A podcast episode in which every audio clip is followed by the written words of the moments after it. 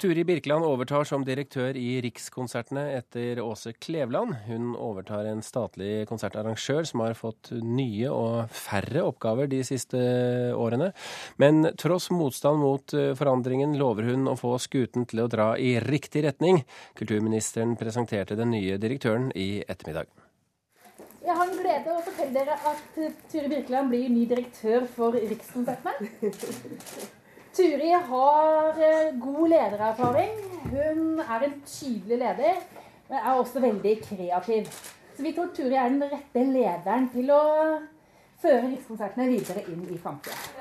På veggen utenfor kontoret til kulturminister Anniken Huitfeldt henger allerede portrettene til både avtroppende og påtroppende direktør i Rikskonsertene.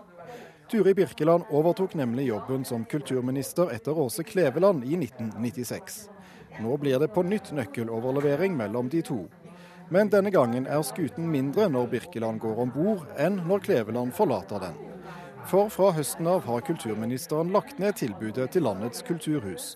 Men Rikskonsertene skal fortsatt være tydelig og synlig. De skal bidra til å arrangere konserter der hvor eh, markedet ikke klarer å få musikere, enten det er til arbeidsplasser, til mindre steder, også på skoler.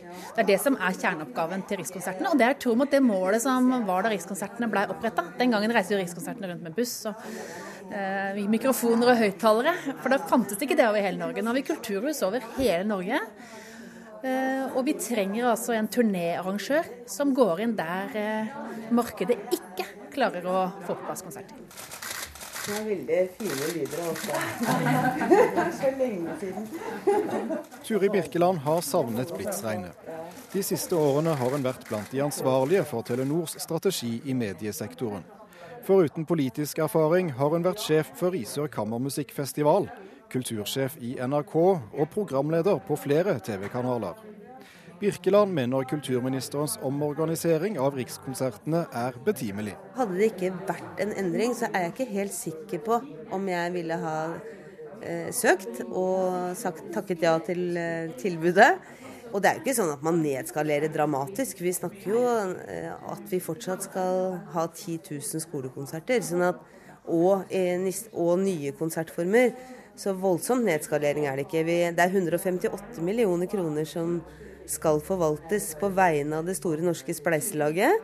Og det, det, er en jobb jeg går til med stor ydmykhet. Altså at man skal begrunne bruken av de pengene på en god måte. Men det har likevel vært eh, noe murring i organisasjonen mot eh, endringene som nå skjer. Hvordan skal du sørge for at eh, skuten drar i riktig retning? Alle reagerer eh, med forsvar når man blir bedt om å endre seg. Eh, men jeg tror det er en endringsvillig organisasjon, og jeg tror at jeg har såpass mye erfaring med endring i store organisasjoner at jeg ikke er så redd for akkurat det. Eh, jeg tror vi skal klare å få motivasjonen opp og engasjementet til å fortsette. Ja, Det sa Turi Birkeland, som altså tiltrer 16.4.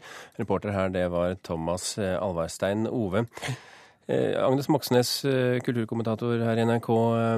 Et godt valg, syns du det? Ja, vi har jo hatt henne som sjef, eh, vi, Birger. Så, I gamle dager? I gamle dager, da hun var kultursjef her i NRK. Ja, ja absolutt et, et, eh, godt valg. Som vi hørte her, så kan hun administrere. Hun kan det politiske spillet. Og, og eh, så kan hun formidling, og jeg tror kanskje den formidlingsbiten er det viktigste argumentet som ble brukt eh, for å ansette henne. Jeg tror hun syns det er gøy å formidle, rett og slett. Men hva blir hovedoppgaven hennes? Hun skal vel ikke gå rundt og formidle hele tiden? Nei, altså Hun er vel den da som blir en slags arbeidsgiver for flest musikere i Norge i året. Det er åtte 800 musikere tror jeg omtrent, som er i sving eh, for Rikskonsertene. Og den delen som hun nå skal få ansvaret for. Og det er å opprettholde og drive videre de tradisjonelle eh, skolekonsertene, som er ca. 10 000 konserter i året. Det er jo et vanvittig høyt eh, tall. Så skal hun drive det som heter Den kulturelle skolesekken, den musikalske delen av den. Og så skal hun ta på seg jobben med å finne ut hvordan den såkalte Vi hørte henne si niste, nistepa inni dette intervjuet her. Og det hun da skulle si, Den kulturelle nistepakken, som er et eh, påfunn eller et tilbud som den sittende regjeringen har eh, holder på å utvikle.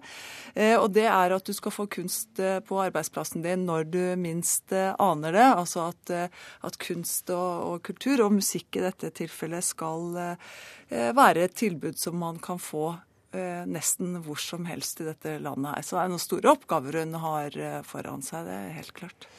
Mange vil jo si at Rikskonsertene har måttet kutte veldig. Hun kaller det å nedskalere litt. Eh, men hvilke utfordring ligger det eh, når det kommer til dette spørsmålet at Rikskonserten har fått færre oppgaver for Turi Birkeland? Den har fått en veldig viktig oppgave for eh, den sittende kulturministeren. Og det er at flere fra flere lag av folket tar i bruk kultur og blir glad i kultur og får kvalitetskultur til seg. Og så sier hun at man skal begrunne bruken av de pengene som brukes til dette her. Eh, og det håper jeg hun, hun tar veldig på alvor. Og det er bl.a. Eh, gjennom eh, kvalitetssikring som skal gå ut. Og Det er en stor oppgave, fordi at 10 000 konserter, hvem kan egentlig holde helt kontroll og kvalitetskontroll på det? Turi Birkeland, antakelig. Eh, Agnes, eh, kulturministre i sirkulasjon er nærmest en formulering vi eh, kan bruke her. Ja, eh, altså vi, vi, det, vi, hørte jo den reportasjen her også at uh, utenfor dette møtelokalet der eh, Anniken Huitfeldt i dag presenterte den nye lederen for og direktøren for Rikskonsertene, så er det da Åse Kleveland som nå går av som, uh, som leder i Rikskonsertene. Det var hun som gikk av som kulturminister i 1996 da Turi Birkeland overtok. Uh, og det er jo interessant hvordan kulturministrene de siste, altså fra de siste 20 årene har fått en veldig viktig og stor og tung plass i norsk uh, kulturliv. Eh, Åse Kleveland hun har jo akkurat nå vært i, i, i, lyset fordi hun har utnevnt en ny leder for uh, Festspillene i Bergen. Der er hun styreleder.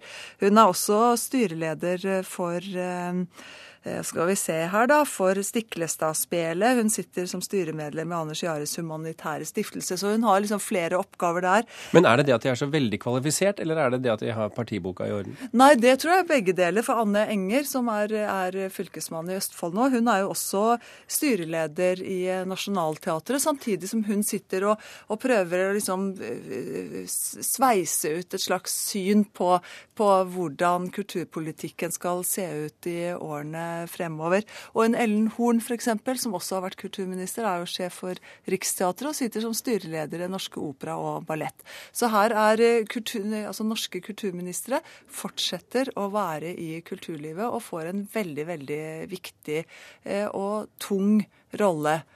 Og fortsetter å være maktmennesker i norsk kulturliv.